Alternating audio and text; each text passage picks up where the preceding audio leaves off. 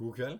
Du hører nå et undervisningsopplegg for gruppene i Guds menighet på Vegårshei. Det er uke 36. Vi er kommet til Efeserne 1,4. La oss lese. I Kristus utvalgte han oss før verdens grunnvoll ble lagt, til å stå for hans ansikt hellig og uten feil. Først, har du ikke hørt talen til Ingrid Eskil? Så ta så hør den.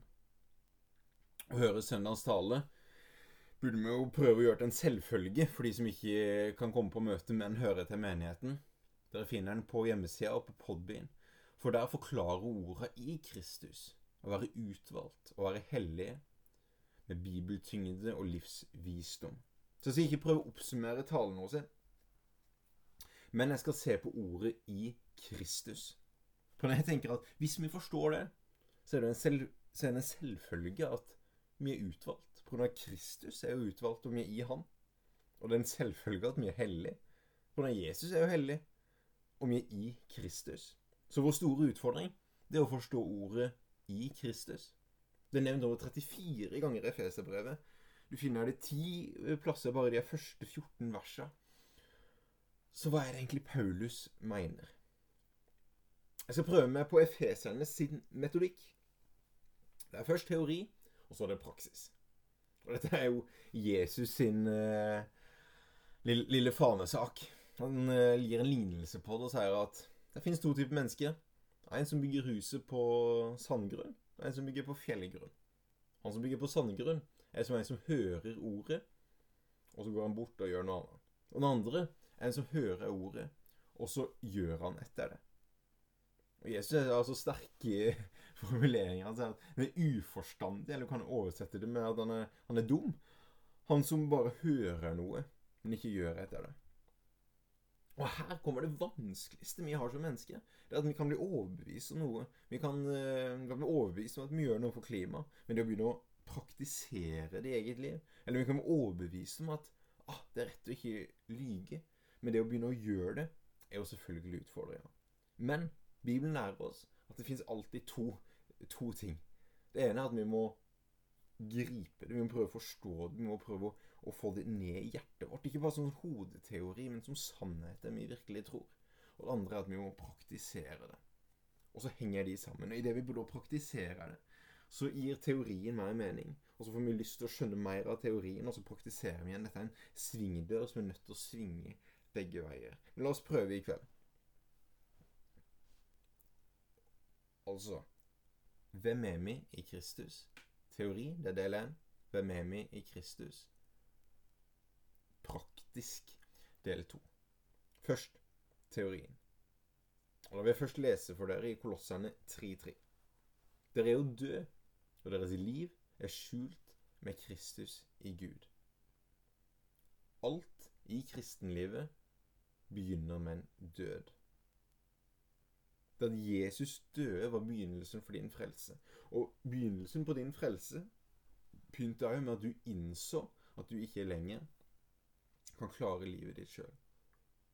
At syndens lønn var døden, og du velger å si at OK Uansett hvor mye jeg strevde for å være bra nok, så var det ikke bra nok. Og uansett hvor, hvor dårlig jeg er, så Uansett så holdt det ikke. Men så kommer vi til et punkt der, vi setter Jesus som konge i livet vårt. For husk at Kristus er ikke et etternavn av Jesus. Det er en kongetittel. Så best oversatt er det kong Jesus. Du gjorde Jesus som konge i livet ditt. Altså, vi bytter ut oss sjøl. Vi bytter ut at eh, det er ikke andres meninger som skal bety mest for oss lenger. Det er ikke andres forventninger. Det er ikke penger. Det er ikke jobb, status, karriere, luksus. Men vi, vi bytter kongeplass. Vi må abdisere, og så er det Jesus som får kongsplassen i livet vårt. Og Det begynner med en død. Og så, etter en død, så må det være en oppstandelse. I Kolossene 2,12 står det at for i dåpen blir dere begravet med ham, og i den ble dere reist opp med ham med troen på Guds kraft. Han som reiste Kristus fra det døde. Dere var jo døde pga. misgjerningene og deres uomskårne kjøtt og blod. Men han gjorde dere levende sammen med Kristus da han tilga oss våre misgjerninger.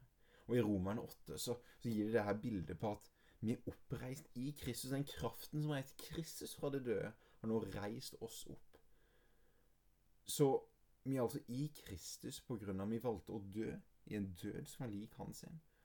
Også ikke på grunn av vi har greid å prestere noe, men på grunn av Jesus ble reist opp av Guds kraft. Og vi velger å være i Kristus, så er det den kraften som nå reiser oss opp. Og så er vi altså nå poda inn i denne nye familien, som Johannes legger fram i begynnelsen av sitt evangelium, i kapittel 1, vers 12 og 13, der han sier at alle som tok imot ham, ga han rett til å bli Guds barn, de som tror på hans navn. De er ikke født av kjøtt og blod, ikke av menneskers vilje, ikke av manns vilje, men av Gud. Og det ordet som blir brukt, er altså at vi er direkte skapninger av Gud. Grunnordet er det samme som blir brukt når Adam blir skapt direkte skapning av Gud. Og det ordet Gud bruker om Jesus når han kommer over ham etter Johannes dåpen og sier at 'Dette er min sønn. I han har jeg velbehag'. Og Sånn ser altså Gud på oss nå. Vi er i hans familie. Og, og, jeg, og jeg trenger ikke å prestere noe eller gjøre noe for å være i Vangstad-slekta. Er født inn i den. Og sånn må vi se på oss sjøl i Kristus. Det er en posisjon vi har, det er en tittel vi har, når vi velger å være der. Når vi velger at det er Jesus som er på førsteplassen i vårt liv, så er sannheten at vi er i Kristus. Og det er det her som forandrer alt. Det er det her som gjør til at hvis Jesus kommer igjen i kveld, så skal vi være med han. For å bryte det enda mer ned, så tenk at vi består, at vi er en ånd som har en sjel, og som bor i en kropp. Altså ånd, sjel og kropp. Én en enhet, men tre deler. Vi finner det samme igjen med at det er en hellig ånd, det er Gud, og så er det Jesus. Tre deler, men én en enhet. Og greia er at når vi blir kristne, når vi tar imot Jesus som Herre, så bytter vi vår ånd ut med Guds ånd. Vi dør, og så er Guds ånd bolig i oss. Og det betyr ikke at vår sjel blir oppdatert på det nye som har skjedd i vår kropp. Eller kroppen vår blir ikke nødvendigvis oppdatert ennå til det nye som har skjedd. Men det er en totalt ny virkelighet. Vi er blitt borgere av et nytt rike. Så om vi dør, om Jesus kommer igjen, så står det bra til med oss. På grunn av vi er nå skjult i Kristus, i Gud. Og så kommer denne jobben med helliggjørelse og oppdatere vårt sinn, vår tanke, våre følelser etter sannheten i oss.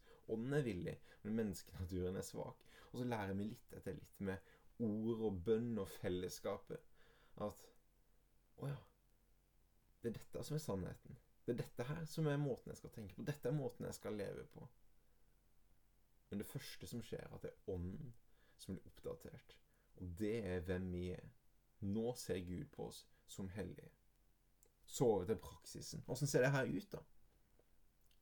Det er mange ting vi kunne sagt. Dette her er Paulus sin hjertesak. Dette er mysteriet som har vært skjult fra eldgamle tider. Det er Kristus i dere. Håp om herlighet. Men skal jeg se på tre ting i dag, så ønsker jeg å løfte fram først det at ord skaper. Ordspråkene legger det fram til at orda har makt til å ta liv, og har makt til å gi liv. Og vi vet det så godt med barn som vokser opp med å høre at du er en dust, du kan ingenting. Det påvirker et barn. Det kan gjøre til at et liv blir annerledes.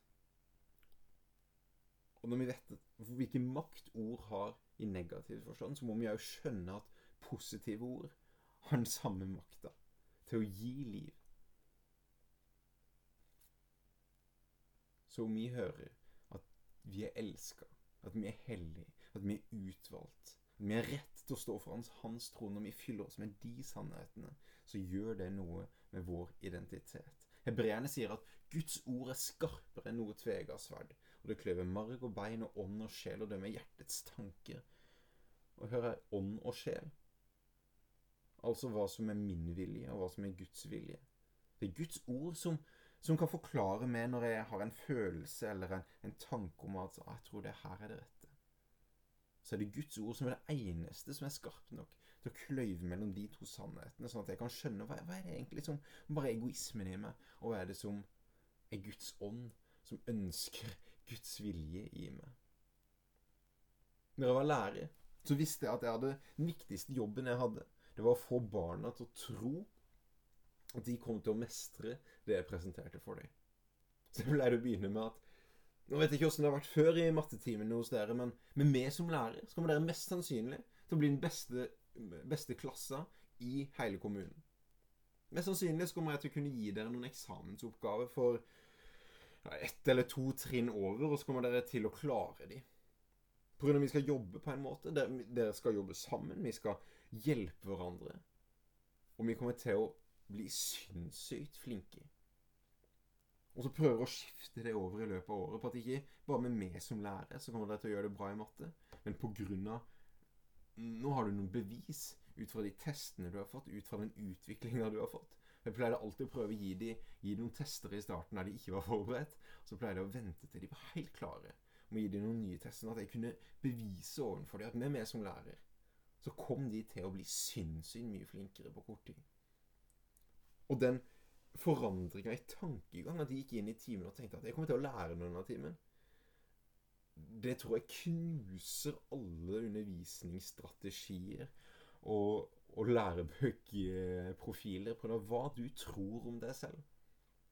En av de viktigste måtene for å kunne utvikle deg sjøl. Nummer to på praksisen. Etter at du er bevisst på hvilke ord du fyller deg med, er hvilke vaner du har. For vaner former. Du blir nemlig det du gjør over tid. Hvis du ser på uka di, på kalenderen din, og ser hva du fyller den med, så kommer du til å se litt hva som kommer til å oppta deg, hva oppta deg, og hva, hva du egentlig bryr deg om. Så hvilke vaner vi har, kommer til å være avgjørende for om vi greier å, å leve i Kristus. Filosofen eh, K.A. Smith skriver at lenge før de kristne hadde systematisk teologi og verdensbilder, altså lenge før de kunne beskrive hva det vil si å være i Kristus, så sang de hymner og salmer. De ba bønner og feira nattverd. De delte alt de eide, og et folk med lidenskap for Guds kommende rike. Noen ganger så er det vanene som er med å forme livet vårt. Mye mer enn om vi skjønner, om vi forstår åssen vi greier å tolke det bibelstedet. Kanskje er det tida for å begynne noen nye ting igjen. Kanskje er det tida for å begynne å gå på bønnemøte. Kanskje er det tida for å ha andakt sammen med familien om morgenen. Kanskje er det tida for dine egne bønnerutiner. Nummer tre nåden istandsetter. Nåden kom på ditt svakeste når du ikke ønska Gud engang. Når vi var i synd, så kom nåden og dro oss ut av det. Nåden tok initiativ, men nåden istandsetter deg. For selv om det bra med din ånd akkurat nå, så trenger vi òg å fornye sinnet vårt. Vi trenger å, å, få hodet vårt og følelsene våre og, og livet vårt til å komme på linje med det Gud egentlig ønsker for oss. Og der kommer du til å feile. Der kommer du til å, å bli, føle deg mislykka av og til. Og da trenger vi å dette tilbake på nåden. Og på at Gud har gitt oss sin Hellige Ånd. Det er altså en kraft med liv som nå veller fram i oss som tror. Og det er den kraften vi har. For da for da prøve og feile. Ta steg og ta steg tilbake. Men ha en grunnleggende kraft i oss som gjør at vi har lyst og vi vet at vi kan få se mer av hvem Jesus er, og vår nye identitet i Gud. Så kommer det noen spørsmål til slutten som jeg skriver under her på hjemmesida. Så lykke til, og ha en god kveld.